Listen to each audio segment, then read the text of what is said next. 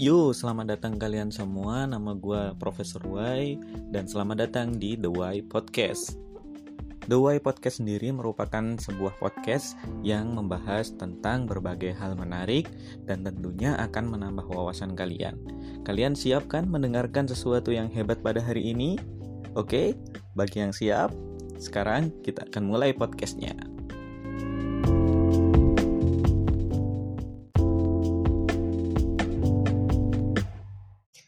Ya, oke. Okay. Uh, eh, di sini episode pertama ya dari Y Podcast.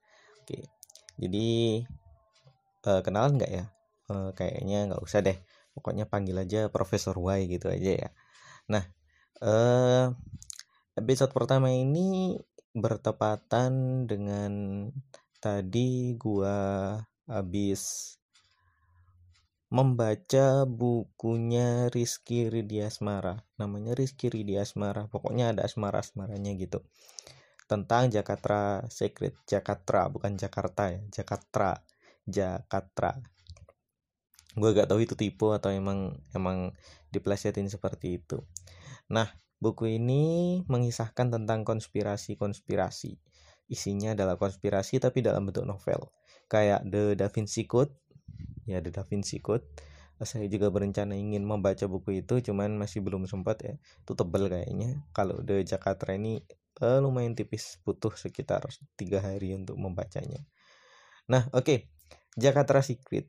Ini bercerita tentang konspirasi-konspirasi dari ya persaudaraan. Persaudaraan perkumpulan-perkumpulan rahasia seperti yang ada di film-film gitu ya.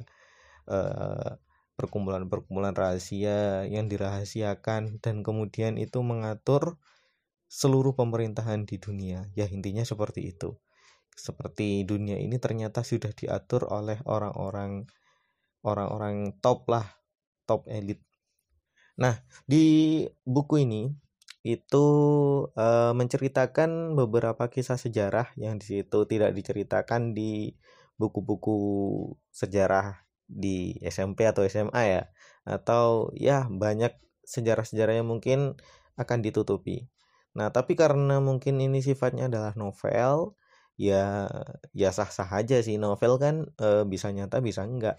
Kalian juga novel Harry Potter juga juga apa namanya itu kalian nggak tahu itu beneran ada atau enggak tapi ya seru-seru aja gitu kan bacanya ya cuman untuk buku ini buku The Jakarta Secret ini itu pembahasannya itu kayak bener-bener historical novel dan kemudian itu untuk bahasanya itu seperti menggiring kita untuk percaya kepada uh, ceritanya. Ya cerita tentang uh, Soekarno itu pinter dan kemudian apa namanya Soekarno itu ternyata dijatuhkan oleh pemerintah Amerika dan kemudian Soeharto itu masuk waktu Orde Baru kemudian uh, dimanfaatkan oleh Amerika sehingga waktunya Soeharto itu Indonesia banyak utang dan kemudian pemberontakan ketika Soeharto sudah dirasa tidak bermanfaat lagi mungkin bagi pemerintah Amerika digulingkan dengan pemberontakan. Nah seperti itu. Artinya eh, gimana ya? Mungkin yang saya tangkap di sini saya tangkap di sini Indonesia ini meskipun sudah merdeka tahun 45 itu merdeka Uh, kemudian di situ kalau di sejarah-sejarah kan 45 49 itu pengakuan kedaulatan dan kemudian setelah itu ada beberapa isu-isu politik seperti ada demokrasi parlementer, ada demokrasi terpimpin, kemudian ya dan seperti itu dekret presiden 5 Juli 59 yang kembali ke UUD. Nah, itu ya seperti itu kan. Uh, kalau di buku-buku sejarah mungkin uh, mereka lebih condong ke Pak Soeharto. Maksudnya lebih condong ke Pak Soeharto itu gini. Soekarno waktu itu pertama itu uh, 1945 memang menjadi pahlawan, proklamator bagi Indonesia. Bahkan Bung Hatta juga. Tapi setelah pengakuan kedaulatan, kemudian dan lain-lain, sepertinya buku sejarah ini setelah beberapa waktu itu seolah-olah buku sejarah ini itu menyudutkan Soekarno yang di situ ingin menguasai Indonesia.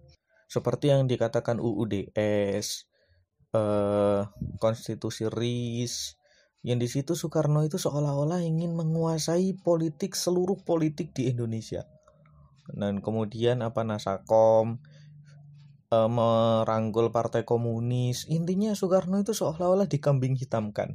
Baru kemudian Soeharto ini muncul sebagai pahlawan dengan apa namanya itu super semar itu. Nah kalau di buku-buku sejarah kan seperti itu. Di sini terbalik.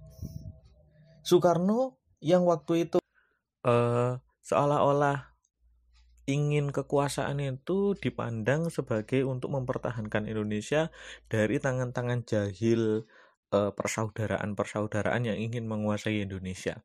Nah, karena ketika melihat mungkin Amerika Serikat melihat, oh Soekarno ini sepertinya tidak bisa dikendalikan ini.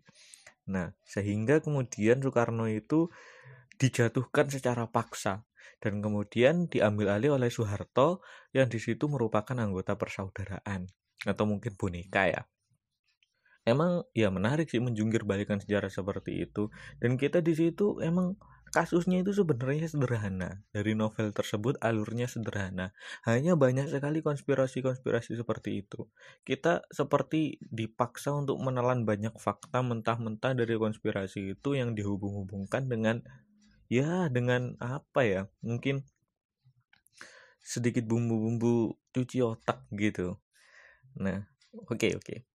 Okay. Jadi itu uh, apa namanya kira-kira ringkasan dari the the Jakarta Secret.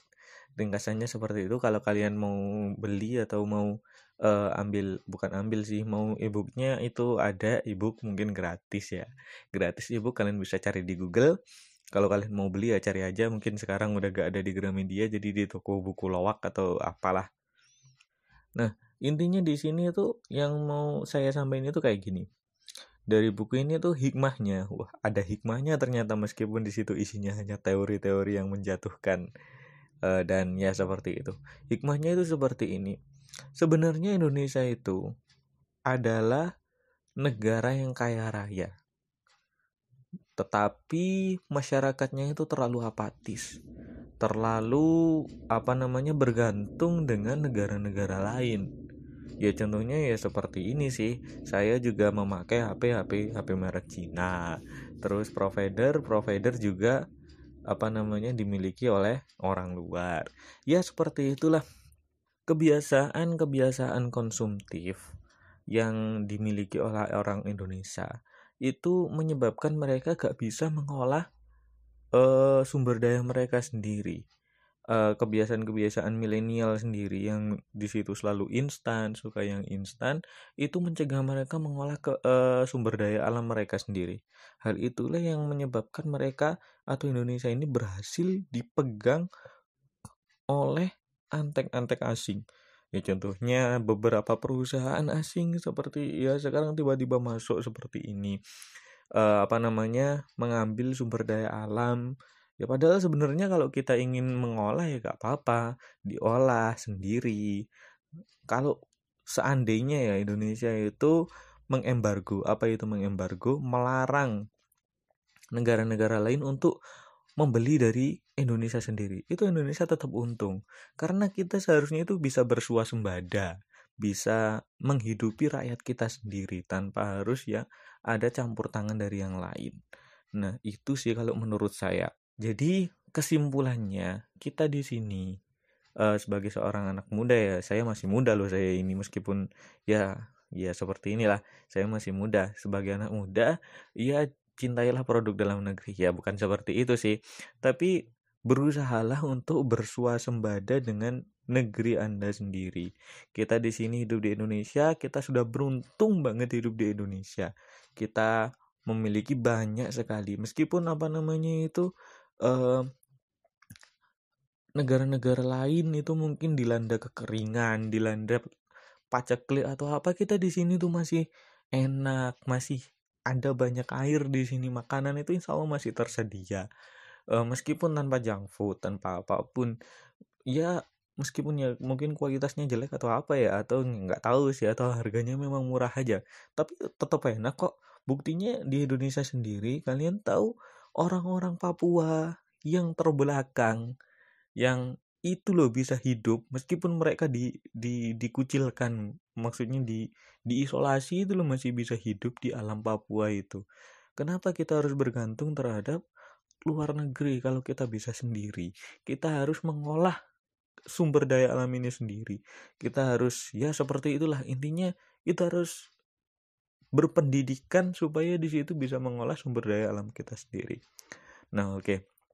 itu adalah hikmah dan sedikit intisari dari uh, buku Rizky Rizdiantara Riz, Rizdian Aldah itulah Rizky, Rizky aku gak tahu nama lengkapnya. Nah itu adalah sedikit uh, inti dari buku yang itu Oke, kalian oh terima kasih kalian sudah mendengarkan. Oh, jangan lupa follow ya kalau di Spotify dan juga kalau di Apple Podcast nggak tahu apa namanya pokoknya jangan lupa di follow dan dengarkan juga episode-episode bermanfaat yang lainnya. Kalian tetap suka kan? Uh, siapa yang di sini uh, telah uh, ah gimana sih?